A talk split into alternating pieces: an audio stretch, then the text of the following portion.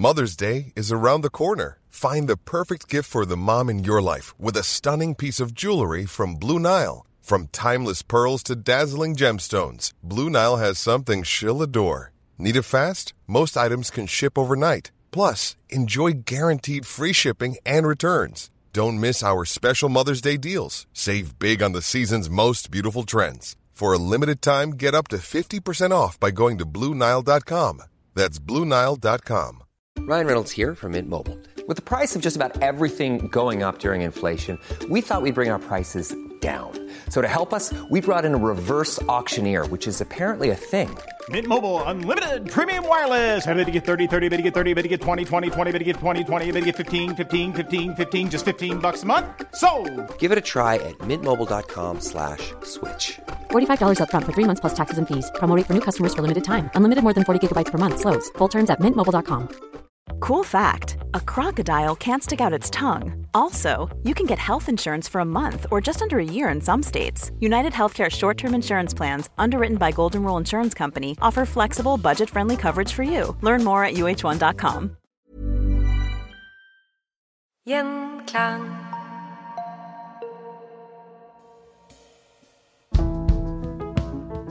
Velkommen tilbake til en prat med Kaja Merete Hagen om mirakuløse bilder og hellig materie. Det du nevnte med, med altså helgener og, og representasjoner av dem, og bilder For det er jo slik at uh, hvis man ser et bilde av en helgen, så har den jo ofte en sånn uh, glorie.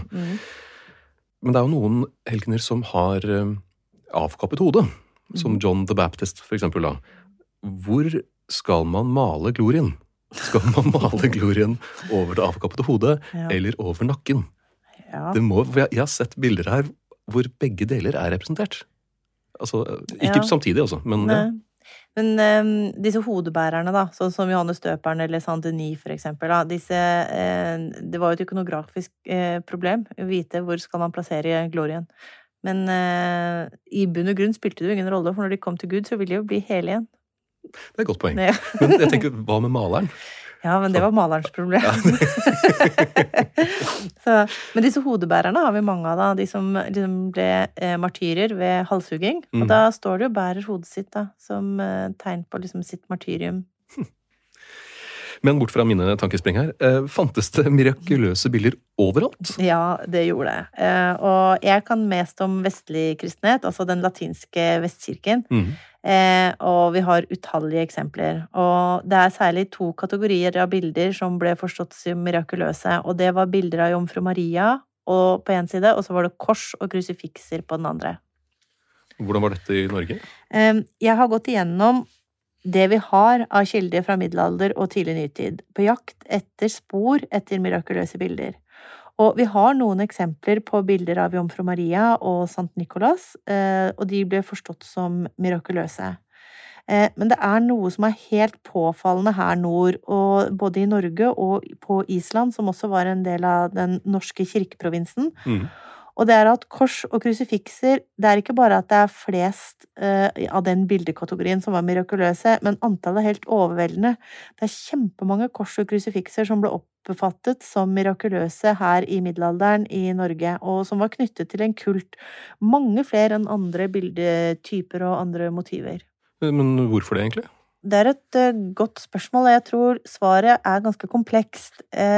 For det første, korset var jo og er jo vårt fremste kristne symbol. Og krusifikset det er jo heller ikke et vilkårlig motiv, det er jo et bilde av den inkarnerte Gud, dette her. Og det ligger jo i bunnen, ikke sant. I de første århundrene etter korsfestelsen så brukes ikke korset som et kristent symbol, for korset det var et torturinstrument. Mm. Og korsfestelse, det var en straff for eh, de aller nedrigste av forbrytere. Så at man valgte å korsfeste Kristus, eller korsfeste Jesus, det var eh, en straff for å en virkelig ydmykende. Ja. Og at korset skulle bli det kristne symbolet, det var da heller ingen selvfølge. Og vi ser i begynnelsen, så blir det jo eh, liksom Vi har da graffiti hvor man har korsfestet et esel fra eh, de første århundrene eh, etter Kristus som et hån mot de kristne. Ikke sant? At Oi. guden deres var en som kunne klare å la seg korsfeste, liksom. En, sånn, en slags Ja, rett og slett et hån. Men så skjer det noe. Eh, fra midten, eller fra eh, de første årtiene på 300-tallet, så skjer det noe. Og det er kanskje tre hendelser som gjør eh, Som eh, kan forklare hvorfor korset får denne helt enestående statusen i middelaldersamfunnet.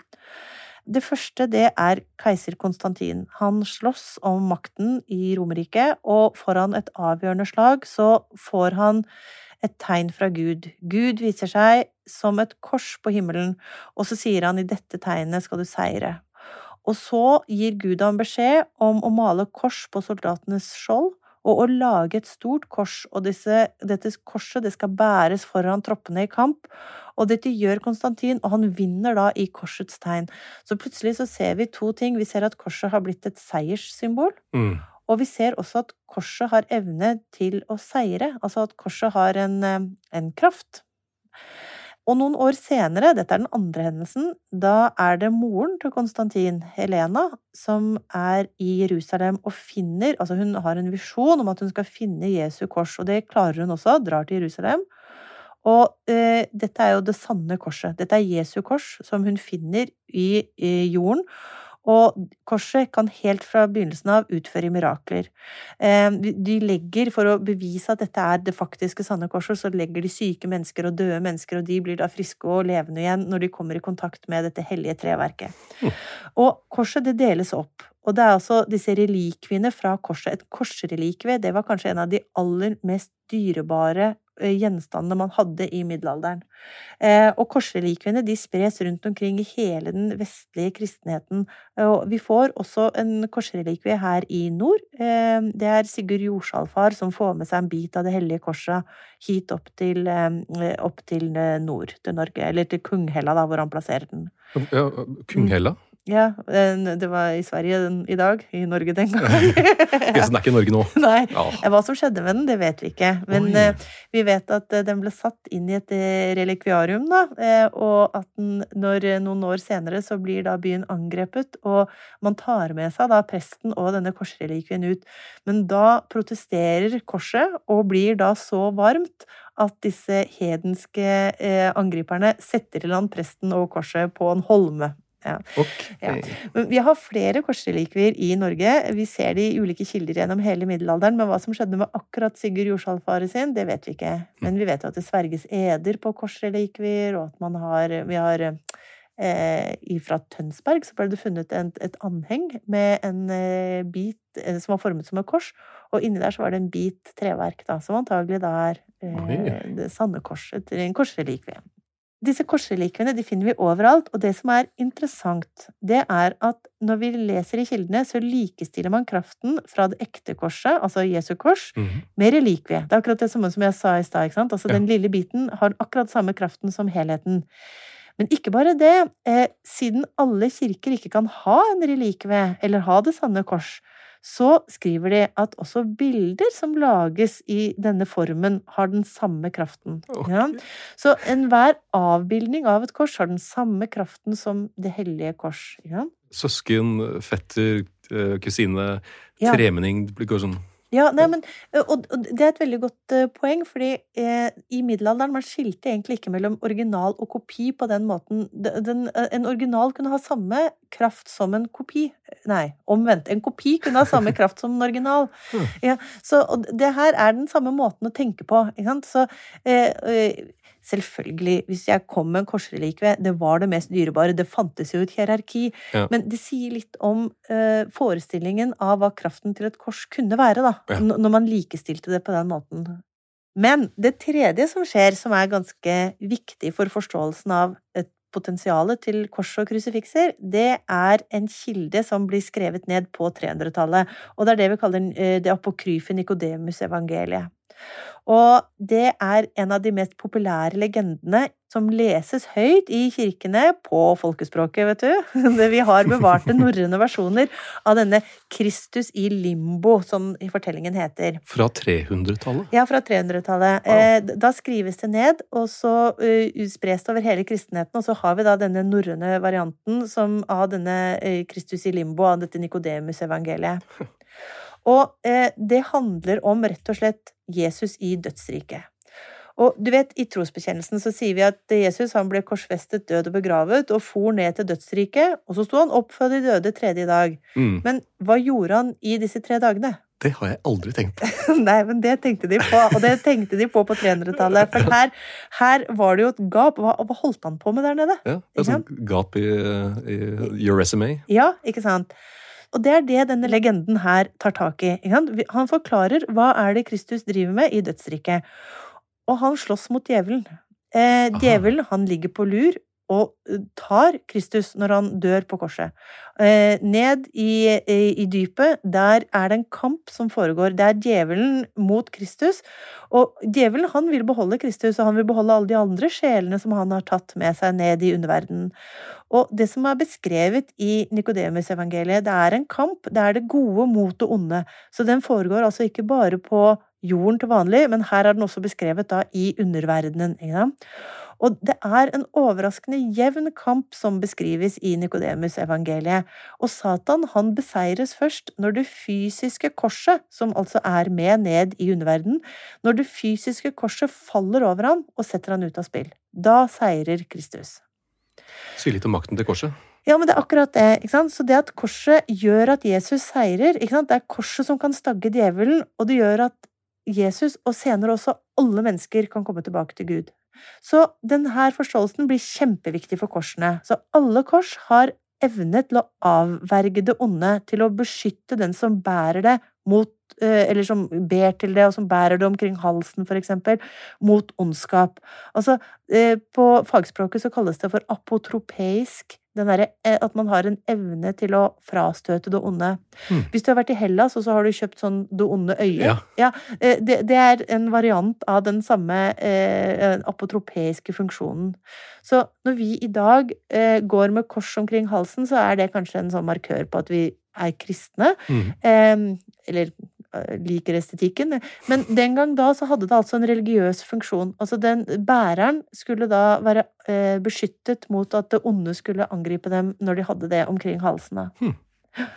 Og det gjaldt jo ikke bare de korsene de hadde omkring halsen, det gjaldt jo også selvfølgelig de store krusifiksene og korsene i kirken. Mm. Og jeg tror at det kan være en forklaring på hvorfor så mange kors og krusifikser ble oppfattet som mirakuløse.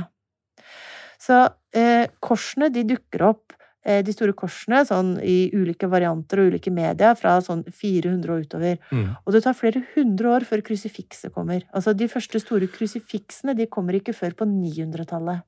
Okay. Man hadde jo store sånne billedstormer på 8, slutten av 700- og begynnelsen av 800-tallet, hvor man rett og slett debatterte dette bildeforbudet i Bibelen. Hva okay. er den riktige forståelsen? Er det riktig å ha religiøse bilder i overhodet? Og det var jo eh, intense kamper som foregikk, særlig da i Østkirken. Mm. Og det, det var nok betent å vise Kristus på korset. Men eh, i kristendommen så seiret jo da de som ville ha bilder, og i etterkant av disse billedstormene på 800-tallet så dukker da krusifiksene opp. Da ser vi her i nord eh, For spørsmålet er jo hvorfor disse dominerer som mirakuløse bilder her i nord. Mm den eneste forklaringen jeg egentlig kan tenke meg, det er at lenger sør så hadde man veldig ofte todimensjonale krusifikser. Altså, krusifiksene var malt flate, rett og slett, altså mm. på en plate.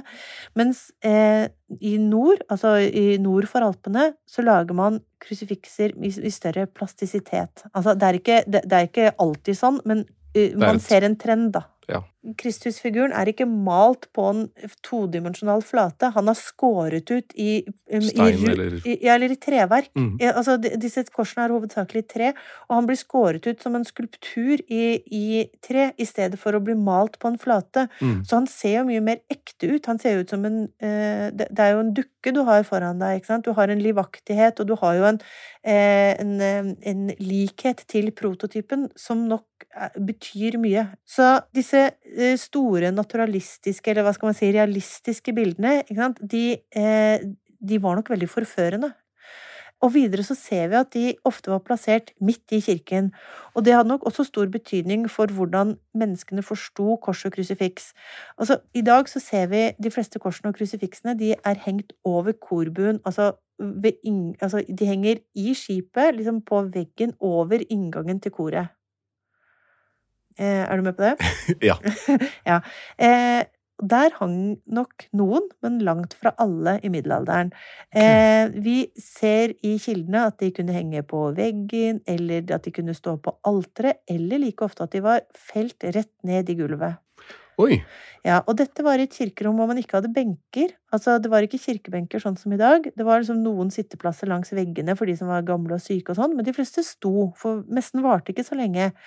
Og midt iblant menigheten da, så sto dette korset, ikke sant, som de da kunne Som sto liksom Det var liksom noe fysisk de kunne forholde seg til. En rundskulpturert Kristusfigur midt i kirkerommet. Men man kunne ikke, altså, ikke stå på den. Nei, nei, nei den, den var jo stående, så du, men du kunne ta, sånn, ja. du kunne ta på den, da. Ikke sant? Og så hvis den var mirakuløs i tillegg, så ville du kanskje sette den opp litt, ikke sant? Og så ville du henge votivgaver rundt, og så ble det jo gitt lys til dem. Så lys var en vanlig gave til mirakuløse bilder. Så kunne du liksom, eh, for å lyse de opp, da, og, og gjøre de liksom visuelt tilgjengelige og vakre, da. Greide man å følge med på hva presten sa da? Et helt annet sted? Eh, ja, men uh, man tenker seg også det at det var ikke hele messen som Altså, mm, menigheten overvar messen, men at det ofte var Det var jo mediert gjennom presten og Gud. Det var jo presten og sin forhold til Gud. Og så ba, men, ba menigheten sine bønner i kirkerommet, mens presten eh, eh, utførte sine handlinger ved alteret. okay. Ved hovedalteret, eller ved sidealter. Så disse bildene var jo viktige i kirken òg, som en visualisering av hva de ba til. Så jeg kan jo se for meg veldig at hvis du hadde da et stort krusifiks i, i kirken, at det var et viktig eh, fromhetsinstrument, da. Mm. At de, de brukte de helt sånn konkret i, i bønnen sin. Så når vi kommer da til slutten av middelalderen, så er korset og krusifikset det er, det er et symbol. Det er det fremste kristne symbolet. Det er liksom et tegn på at eh, på hele denne den kristne frelseshistorien, egentlig. Det, det er liksom det triumferende tegnet. Mm. Eh, og det er også likestilt med en relikvie. Det så vi. ikke sant? Det hadde det samme kraften som en relikvie.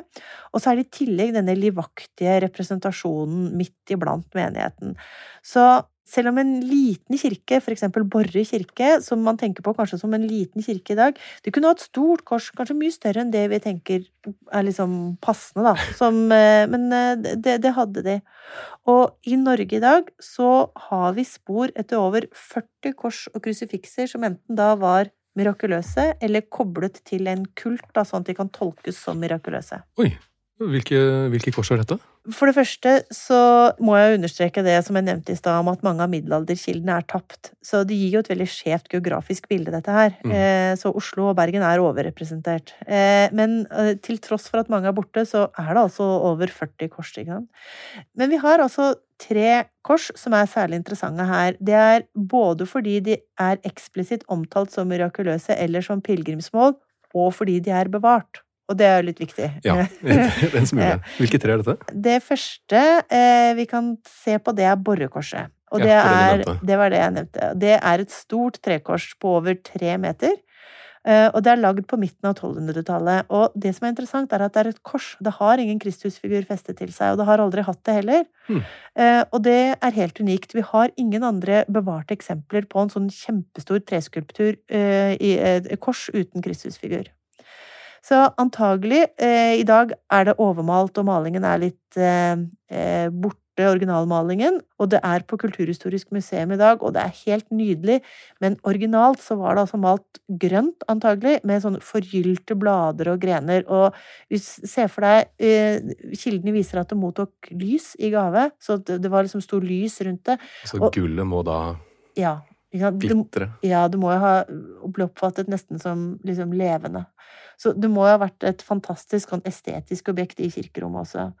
Og Borrekorset det omtales som pilegrimsmål av eh, selveste dronning Margrethe, den Oi. første. Ja, hun sender eh, mennesker rundt på pilegrimsferd som skal be for hennes sjel. Eh, Og det gjør hun til hele Vest-Europas helligdommer, eller også eh. De skal også til Det hellige land, og hun ramser opp eh, alle steder disse munkene skal ut og be for hennes sjel. Og så skal de da til Det hellige korset i Borre, da. Mm. Så det er eh, et veldig imponerende eh, kors. Eh, det andre korset, det er det jeg nevnte i stad, som kanskje er det mest kjente mirakuløse bildet vi har her, det er Røldal-krusifikset.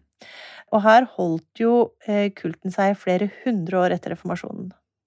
Så det er laget samtidig som borgerkorset, faktisk, på midten av 1200-tallet. Og dette er ikke et kors, dette er et krusifiks. Og Kristusfiguren her, han har tornekrone. Han står ganske oppreist og ser ganske samlet ut, altså til tross for at han er i ferd med å dø. Mm. Det som er interessant i Røldal, det er at det er ingen middelalderkilder, noen skriftlige kilder, som snakker om denne kulten her. Eh, vi får først vite om at det eksisterer en kult i Røldal i de skriftlige kildene i 1572. Og da er det biskopen i Bergen som fordømmer denne kulten veldig hardt. Eh, det er vrang, eh, vrangbruk, vannbruk og vrang eh, kristendomsforståelse, dette er. Det vi har, er at vi har bevart en votivgave.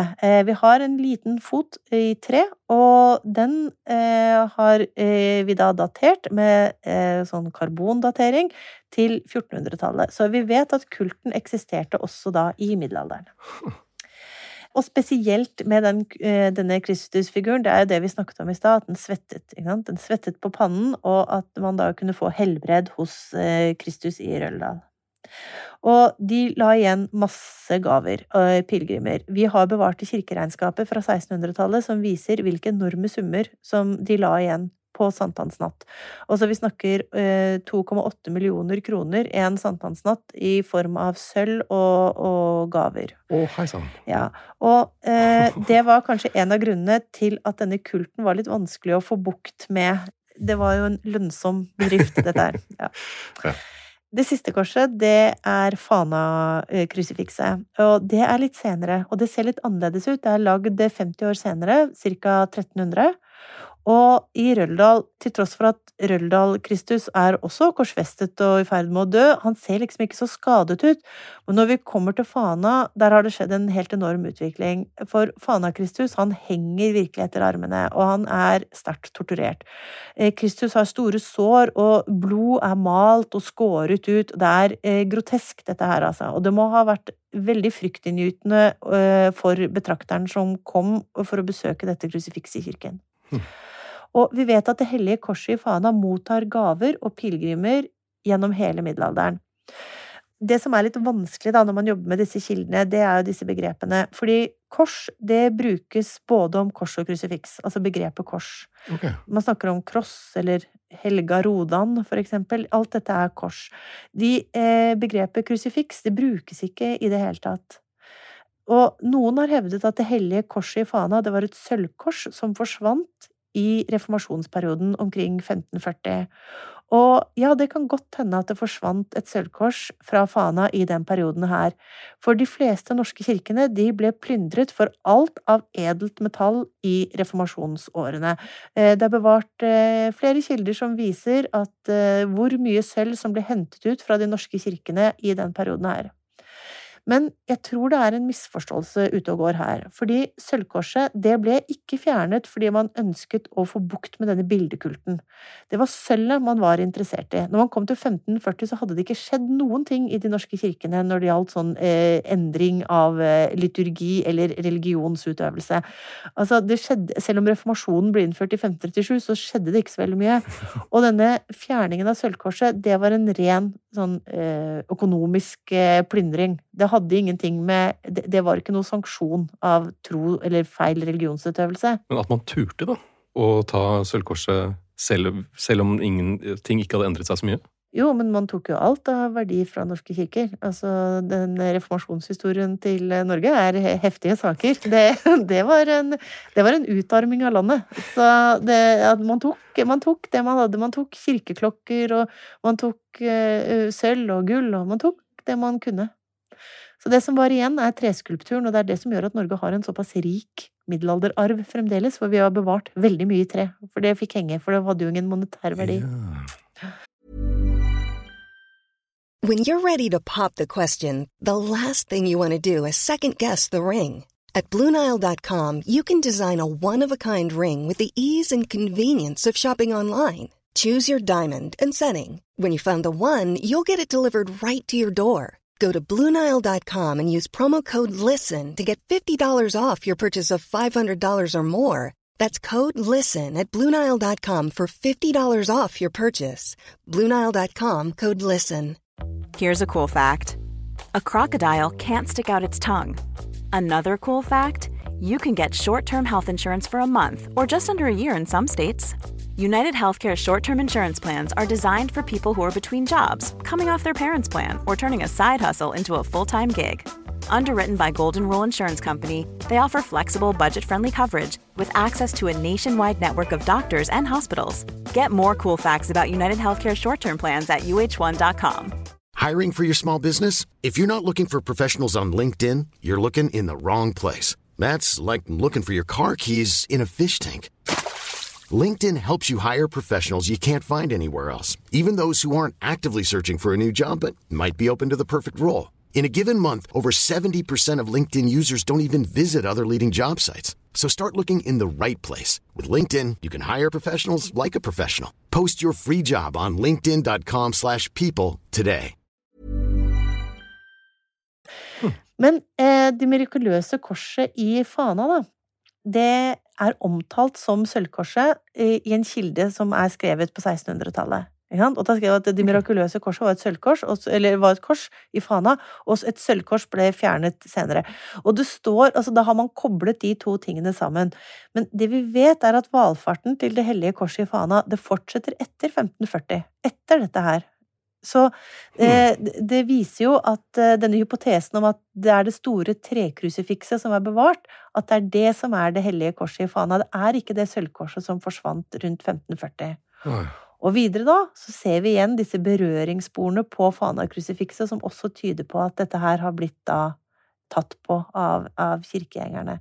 Og det kan jo ha vært at man har vist et, et hengivenhet eh, uavhengig av en mirakuløs forståelse, men vi ser jo at særlig de mirakuløse bildene var, var det viktig å ta på, da. Det, det, kraften virket ekstra hvis man fikk tatt på det. Mm. Så eh, hvis du spør meg, så tror jeg det er det korset som eksisterer, eller krusifikset som eksisterer i dag, som er det hellige korset i Fana, da. Så oppsummert så er dette her altså de tre eksemplene vi har, som både er bevart, og som vi med stor grad av sikkerhet vet at ble forstått som mirakuløse.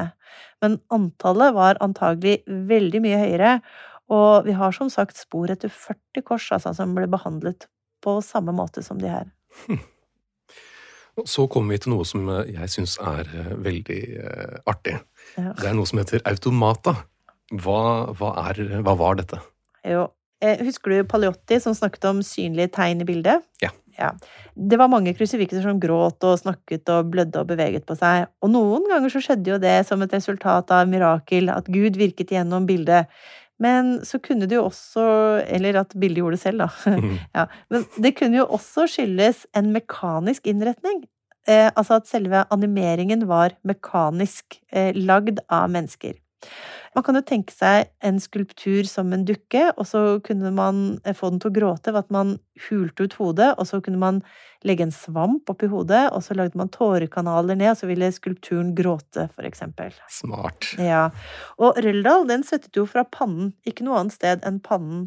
Eh, men vi vet ikke om den var mekanisk animert. Det er ingen som får undersøke den. Så, den, ja, så det er ikke sikkert. Men eh, det er jo en liten gåte, da, oppi Røldal enda. Vet vi, Var det slike mekaniske skulpturer som vi vet om oppe i nord? Jo ja, det var det. Eh, I Hamarkatedralen, altså det i dag som er domkirkeruinen, da, Mm. så, der eh, hang det et krusifiks, og det var et mirakuløst krusifiks. Og det hang på veggen selv etter at kirken var bombet eh, i stykker av svenskene da, i 1567. Og kirken den var en ruin, men eh, krusifikset det hang fremdeles på veggen i Søndre Transept. Og kildene eh, skriver at selv den eh, letteste vind får krusifikset til å svaie fra side til side, men hvis et menneske forsøker å flytte det, så blir det helt urørlig.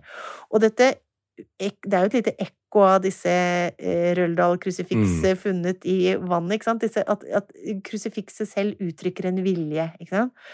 Og så er det også funnet en votivgave i sølv i Hamar, som antagelig da kanskje er en eh, gave da til, eh, til dette mirakuløse korset. Det, det er den eneste votivgaven vi har i sølv, så vidt jeg vet, eh, som er gitt til et kors. Eh, men antagelig så ble det fraktet til København, da, i omkring 1540. Men eh, hvis vi spoler klokka litt fram da, til 1700-tallet, så kommer det en luthersk prest til Hamar. Og da har veggen rast ned, og det mirakuløse krusifikset ligger på bakken. Og han ser at krusifikset har et stort hull i hodet.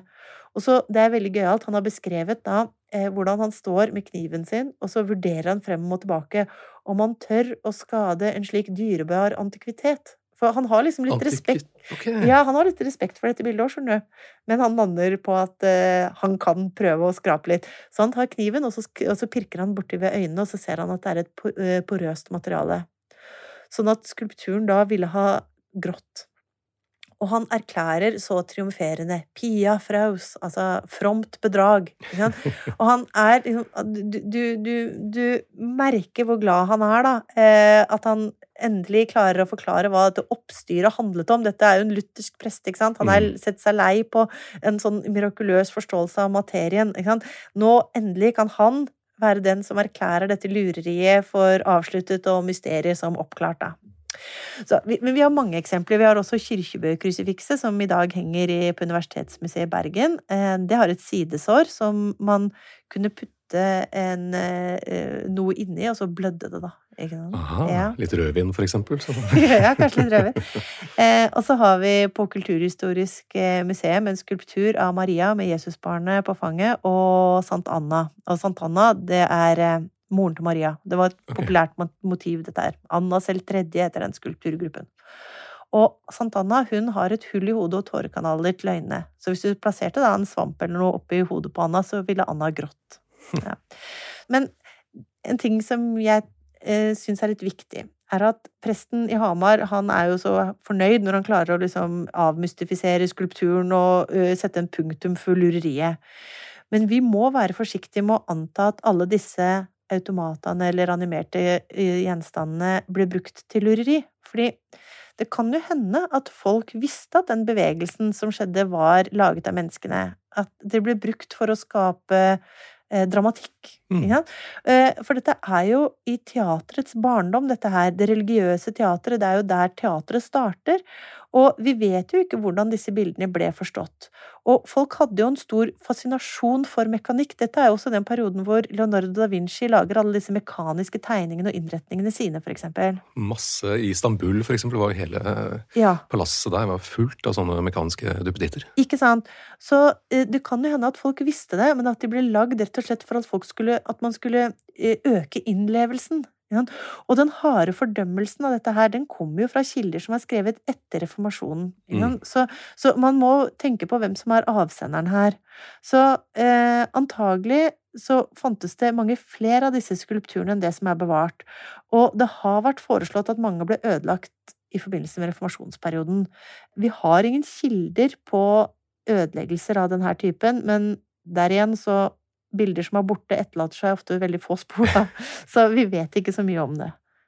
Hva skjedde med de eh, mirakuløse bildene etter reformasjonen? Ja, altså, de mirakuløse bildene, de har en veldig uensartet skjebne.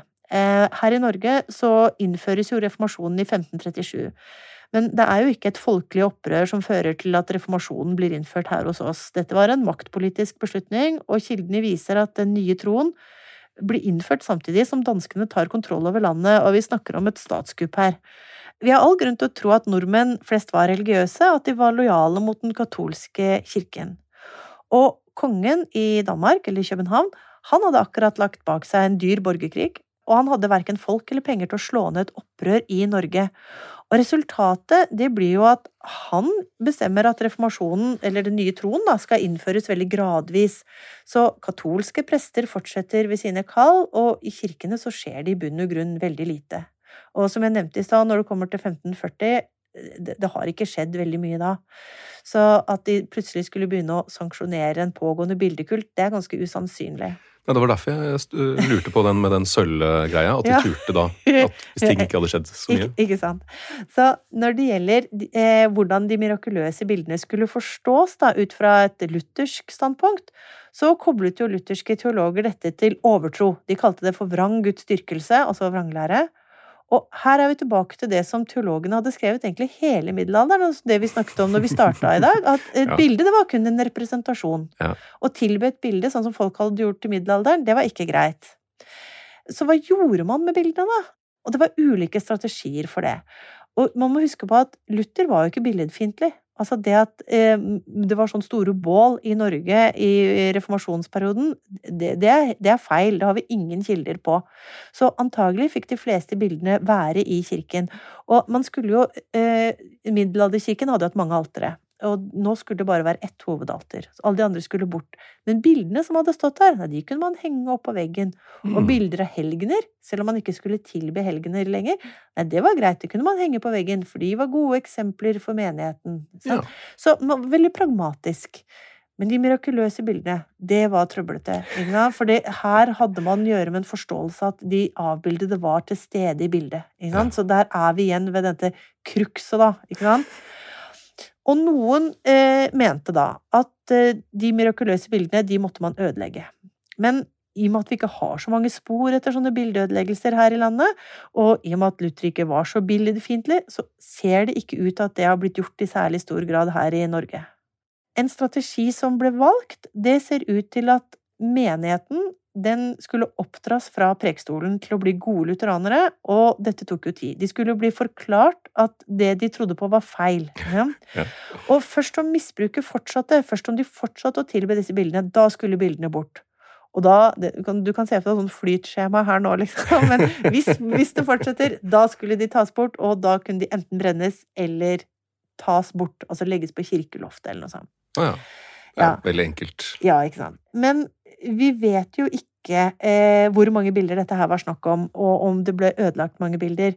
Men når det gjelder kors og krusifikser, så som jeg nevnte i stad, dette var jo ikke vanlige bilder. Dette er vårt, våre fremste kristne symboler og bilder av Kristus. Og det satt nok svært langt inne å ødelegge disse typene av bildene, type bilder, selv om de ble valfartet til. Så det er litt ulikt hva som skjer med de mirakuløse korsene og krusifiksene. Altså, mange av de får henge i kirkerommet i mange år, selv om kulten fortsetter. Og vi har kilder fra 1570, altså da har vi kommet 30 år etter at de fjernet det der sølvkorset i, i Fana. Mm. Og da er vi i Telemark og i bergensområdet, og det er en dansk kommisjon som reiser rundt, og de refser biskopen i Bergen for at ingenting har skjedd. Ja, altså, her har det jo ikke skjedd noen ting. Ja. ja. Uh, og etter dette her så kan vi kanskje tenke oss at det intensiveres eh, en viss oppdragelse fra prekestolen rundt omkring i kirkene, og vi ser at synoder, altså sånne prestemøter, at der tar de opp dette med overtro med kors, som det står. Ok. Eh, Men hva som faktisk skjer, det vet vi ikke. Det vi vet at skjer, eh, det er at mange kors og krusifikser får en ny plassering over korbuen, som jeg nevnte i stad. Mm. Altså, i mange tilfeller så er dette en etterreformatorisk, altså en sekundær plassering. Og så er det jo en veldig gunstig strategi da, av å henge de der. Da skaper du jo avstand, ikke bare fysisk, men kanskje også litt sånn følelsesmessig. Dette korset som de hadde hatt midt iblant seg, det var nå liksom langt der fremme. Ja. Der oppe. Eh, og så har geografi antagelig litt å si, altså for hva slags behandling disse mirakuløse bildene fikk. Det ser ut som at eh, kirker som var nær eh, teologiske sentra, som i byer og bispeseter og sånn, at de kanskje ble raskere fjernet Ja. dersom pilegrimsaktiviteten fortsatte, enn i mer avsideliggende strøk, da. Og Røldal er jo kroneksempelet der. Det var jo helt utilgjengelig store deler av året. Sant? Og det var kanskje lettere å komme unna uønskede sanksjoner og fjerning, da, eh, Ja. hvis du holdt til helt ute i periferien. Så etter hvert som årene går, eh, så blir flere og flere mirakuløse kors og krusifiks skiftet ut, men vi vet jo ikke helt hvorfor. Det, det kan jo være at de ble tatt bort eller ødelagt fordi valfarten fortsatte. Eller de kan ha blitt ødelagt ved slitasje eller uhell, eller de kan ha blitt forstått som estetisk utdatert, eller rett og slett bare erstattet av nye og andre bilder. Så vi vet ikke helt hvorfor. Nei, altså kirkebranner er jo en Ja. ting. Ja, det òg. Ikke sant? De kan ha blitt ødelagt. Men vi ser altså hvordan folk forsto disse bildene her. Altså det, det er en seiglivet eh, oppfatning. Altså troen på korsets hellige kraft og mirakuløse kraft, den holder seg i hundrevis av år. Og vi ser at det er først med pietismen på begynnelsen av 1700-tallet at man, da får man jo kirketukt og, og, konfirmasjon og opplæring av barna. Og først da klarer man å få endret forståelsen av hva disse bildene er, hvordan de skal forstås ut fra et korrekt luthersk standpunkt, og praksisene knyttet til dem. At det er overtro å, å, å, å be til bildene. Mm. Så Pontoppidan, altså han pietismens far, han forklarer jo hvordan den gamle overtroen fortsatt gjelder her i landet, skriver han, og det, da er vi på 1700-tallet. Så det er mange generasjoner etter reformasjonen før man får feid den siste rest av den katolske surdeigen, som eh, på toppen av den skriver, da. Sånn han forklarte det? Ja. ja. Feiekosten heter faktisk eh, boken han skriver. Oi. Han skulle feie surdeigen ut. Så, så, i Røldal så fortsetter jo faktisk eh, kulten knyttet til det mirakuløse krusifikset frem til 1835, og det er jo kjempelenge. 1835? Ja, og jeg sier en variant, for det er ikke det er ikke en middelaldersk katolsk praksis som beskrives i den kilden. Altså, det, det er en sånn helt eh, eklektisk sammensurium av eh, noe katolsk og luthersk og noe sånn folketro og noe som man ikke helt vet hva er. Men det som skjer, det er at prosten kommer på besøk i 1835, og så skriver han et svært polemisk stykke da, om hva han har opplevd i Og han er liksom sjokkert hva han har opplevd i Røldal. Og dette er helt åpenbart et spill for galleriet. For her har kirken vist hva som, visst hva som har foregått. For kildene viser jo at uh, valfarten den fordømmes jo på 1500-tallet og 1600-tallet og 1700-tallet, så de visste det jo. Det, er jo. det er jo gang på gang så truer de med å brenne opp dette bildet hvis ikke valfarten gir seg. Og så, som jeg nevnte i stad, vi har jo disse kirkeregnskapene som viser hvor mye penger som kom inn. Mm. Og det her ble rapportert videre til bispesetet i Stavanger og til København. Så at uh, dette var et stor overraskelse for prosten, den kjøper ikke jeg. Og i 1835, når da prosten bannlyser praksisen for siste gang, da eies kirken av private. Ja, ah. Så da er det ikke lenger kirken som får inntektene, og dessuten det ritualet som eh, prosten beskriver, det er en svært utvannet versjon. Det er nesten ingen mennesker til stede der. Det er ingen livlig og levende kult som beskrives. Det er en helt sånn Det, er eh, i livets siste fase, den eh, To gamle tanter som møter opp? Ja, i best fall. Så eh, det er ikke å sette liksom Kostnadene var sett et sånn absolutt punktum. Det var ikke så høyt, nei, det kan du verken åndelig eller økonomisk for prosten. Men Røldal er interessant som eksempel, for det viser jo en slags kontinuitet i en kult. Helt fra middelalderen. Så selv om den er veldig endret, så er den jo utrolig interessant. Og ikke minst så er jo gjenstanden den samme. Det er jo den samme gjenstanden som ja. har hengt i kirken hele tiden. Utrolig interessant. Ja, det er, kjempe, det er kjempeinteressant. For det er jo det med, med gjenstand og, og, symbolbruk som vi har uh, pratet mye om her, og hva du har rundt halsen, for eksempel. Det mm. betyr noe. Ja, og du kan jo si at det lutherske prosjektet har jo vært vellykket, da. Eh, alle disse ekstrabetydningene av hva kors og krusifikset var ja, den, for et middelaldermenneske, det har vi jo glemt i dag. Mm. Så en gang så sto jeg bak en dame i en gullsmedbutikk, og hun skulle kjøpe en dåpsgave. Og hun sto og vurderte frem og tilbake mellom to anheng. Eh, det ene var et kors, og det andre var en liten bamse. Og ungen skulle døpes i kirken, da, så det, dette korset, det, det var liksom Logisk. Ja, logisk, ja. Og så En gang så var jo dette korset det aller viktigste for folk. Det var jo korset som var deres hjelp i livets prøvelser, og det var veien til frelsen. Og å bære et sånt korsanheng som denne, dette lille dåpsbarnet nå kanskje skulle få, det ville jo være et vern mot djevelen som lå på lur overalt. Mm. Så, men denne forståelsen er jo i stor grad glemt, i hvert fall i vår del av verden. Og i dag så er de mirakuløse korsene bare et symbol eller et estetisk, sym, eller estetisk objekt. Eller da et uh, verk med stor kulturhistorisk verdi, da. Mm. Men så stanser det der. Og hun damen, hun valgte da bamseanhenget. Ja. ja. Det er en veldig fin avslutning på, på dagens episode. Ja. Eh, da har vi fått et fint innblikk i uh, middelalderens mirakuløse bilder og, hellige materie.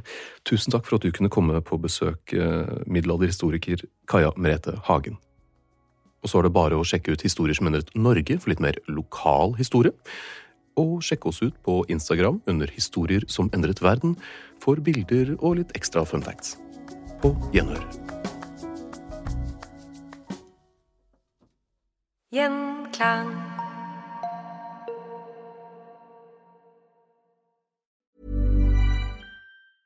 Mom deserves the best, and there's no better place to shop for Mother's Day than Whole Foods Market. They're your destination for unbeatable savings, from premium gifts to show-stopping flowers and irresistible desserts. Start by saving 33% with Prime on all body care and candles. Then get a 15-stem bunch of tulips for just $9.99 each with Prime. Round out Mom's menu with festive rosé, irresistible berry chantilly cake, and more special treats. Come celebrate Mother's Day at Whole Foods Market. Planning for your next trip? Elevate your travel style with Quince. Quince has all the jet setting essentials you'll want for your next getaway, like European linen, premium luggage options, buttery soft Italian leather bags, and so much more. And it's all priced at 50 to 80% less than similar brands. Plus, Quince only works with factories that use safe and ethical manufacturing practices. Pack your bags with high-quality essentials you'll be wearing for vacations to come with Quince. Go to quince.com slash trip for free shipping and 365-day returns. Mom deserves the best, and there's no better place to shop for Mother's Day than Whole Foods Market. They're your destination for unbeatable savings, from premium gifts to show-stopping flowers and irresistible desserts. Start by saving 33% with Prime on all body care and candles. Then get a 15-stem bunch of tulips for just $9.99 each with Prime. Round out Mom's menu with festive rosé, irresistible berry chantilly cake, and more special treats. Come celebrate Mother's Day at Whole Foods Market.